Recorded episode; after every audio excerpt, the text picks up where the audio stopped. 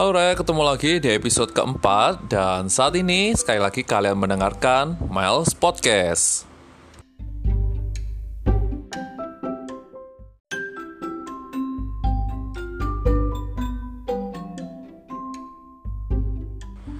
Halo Re, semuanya ketemu lagi dan kali ini aku akan bahas mengenai ciri-ciri atau kebiasaan-kebiasaan dari seseorang yang kita anggap sebagai sahabat terbaik kita atau sahabat kepompong kita itu biasanya punya kebiasaan seperti apa sih gitu.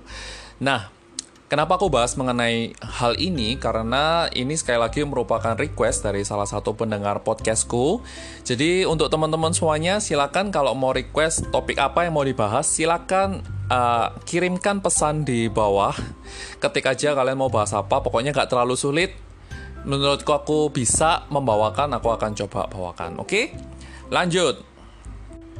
Oke, untuk ciri yang pertama biasanya sahabat terbaik kita itu adalah orang yang punya kebiasaan ketawa paling kenceng saat dia lihat jari kelingking kaki kita itu kepentok meja, terus kita tuh sakitnya udah kayak mau mati, tapi dia tuh malah ketawa nangis gulung-gulung sebelum dia menanyakan kira-kira kita ini baik-baik aja atau enggak. Nah, itu orang yang pertama kali ketawanya paling kenceng itu adalah biasanya sahabat terbaik kita sih. Terus untuk ciri yang kedua, ciri yang kedua adalah misalnya nih suatu saat kamu mau ke special occasion atau ada acara tertentu, terus kamu berbelanja atau memilih outfitmu untuk ke acara tersebut. Kamu menggunakan atasan hijau, bawahan hijau yang sangat bling-bling gitu mungkin karena kamu berharap uh, menjadi trendsetter lah di acara tersebut. Dan kamu nunjukin ke dia kira-kira gimana? Bagus nggak dandananku? Lah biasanya sahabat terbaik kita kalau lihat seperti itu yang dia ucapkan adalah kayaknya kamu kayak lontong deh kalau pakai baju kayak gitu. Nah biasanya dia seperti itu karena sahabat terbaik kita adalah orang yang nggak akan ragu-ragu memberikan memberikan ya bukan membelikan memberikan advice atau opini-opini secara objektif menurut dia sebagai orang yang melihat penampilan kamu. Jadi dia akan kasih opini dia sejujur mungkin bahwa kayaknya kalau kamu pakai itu nggak cocok deh. Atau misalnya kayaknya bajumu ini terlalu ketat deh. Atau uh, kayaknya bajumu ini terlalu terbuka lah misalnya seperti itu. Lah karena sebenarnya di balik buliannya atau ejekannya dia itu dia sebenarnya concern dengan uh, penampilan kamu karena dia nggak mau nanti sa sampai di sana ternyata kamu merasa kalau dirimu ini salah kostum lah atau kamu nggak nyaman lah dengan pakaianmu. Lah biasanya sahabat sejatimu adalah orang yang akan melakukan hal tersebut. Lanjut. Ciri ketiga dari sahabat sejati adalah misalnya suatu saat uh, kamu berpikir untuk belajar memasak resep baru kamu belajar dari internet mungkin kamu masak dan kamu berhasil menciptakan suatu karya masakan yang menurut kamu luar biasa indah lah. Baik dari segi estetika penampilan maupun rasa. Kemudian kamu terbesit di pikiran bahwa kayaknya sahabat terbaikku harus mencoba masakan ini karena kamu mau berbagi nikmatnya masakanmu. Jadi kamu berbaik hati kasih ke dia masakan itu dia mencoba makan terus dia bilang sebelum dia mengatakan makanan itu enak atau enggak, dia pasti biasanya komen dulu. Loh, kamu ini bisa masak toh? Bukannya kemarin kamu masak air aja gosong ya? biasanya ya seperti itu, bulian dulu yang keluar atau ejekan dulu yang keluar. Tapi sahabat terbaikmu itu adalah orang yang biasanya dia akan tetap makan makananmu atau masakanmu sampai habis atau paling enggak dia akan kasih advice ke kamu misalnya masakanmu ternyata oh kurang asin nih. Oh atau kurang uh, apa ya? Kayaknya kamu bisa tambahin uh, sayuran lah. Atau kamu bisa tambahin ini loh bumbu ini biar lebih enak. Lah biasanya sahabat terbaikmu akan kasih advice. Dan uh, kamu akan sangat terbantu dengan advice tersebut. Karena Jadinya kan biasanya kalau kita masak sendiri, kalau kita makan sendiri ya kita merasa enak-enak aja kan. Tapi begitu kita kasih ke orang lain, pasti akan ada pendapat yang lebih objektif lah. Biasanya sahabatmu itu adalah orang yang memberikan advice seperti itu. Oke, berikutnya.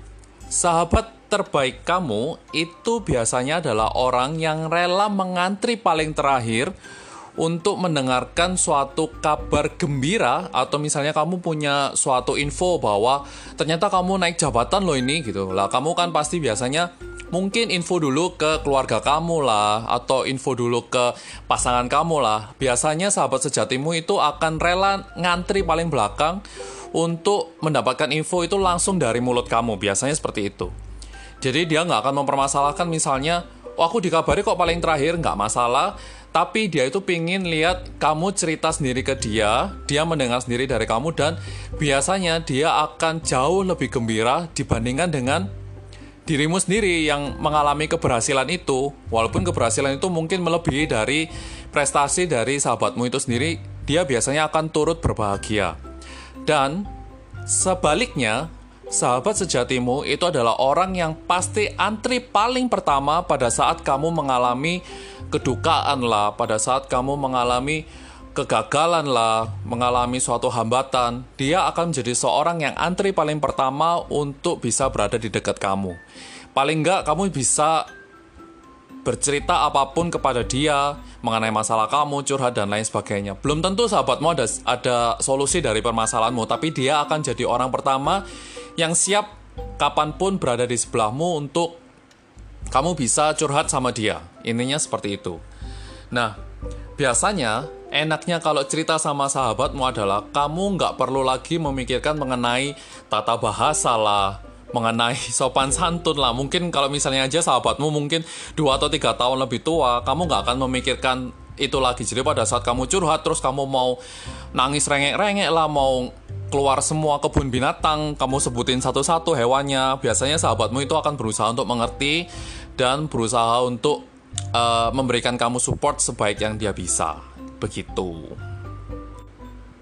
Jadi, intinya sahabat terbaik itu adalah seseorang yang akan memberikan kamu advice atau masukan yang sejujur mungkin apa adanya. Walaupun mungkin suatu saat dia tahu advice-nya itu akan menyinggung perasaanmu atau bahkan akan beresiko memutuskan tali persahabatan kalian, tapi dia akan tetap memilih untuk berkata apa adanya. Yang penting kamu bisa menjadi seseorang yang lebih baik atau mungkin dia akan menyelamatkan kamu dari penyesalan nantinya. Nah, biasanya sahabat sejati kita itu memiliki ciri-ciri atau kebiasaan seperti itu. Oke, teman-teman, jadi tadi itu adalah ciri-ciri atau kebiasaan dari seorang sahabat sejati yang bisa aku rangkum dan aku sampaikan ke kalian. Semoga podcast kali ini juga bisa bermanfaat atau paling nggak bisa menghibur kalian di waktu-waktu senggang lah ya. Dan untuk teman-teman yang merasa podcast ini bermanfaat, tolong di-share. Dan sampai ketemu lagi di Mile Podcast berikutnya. Bye-bye.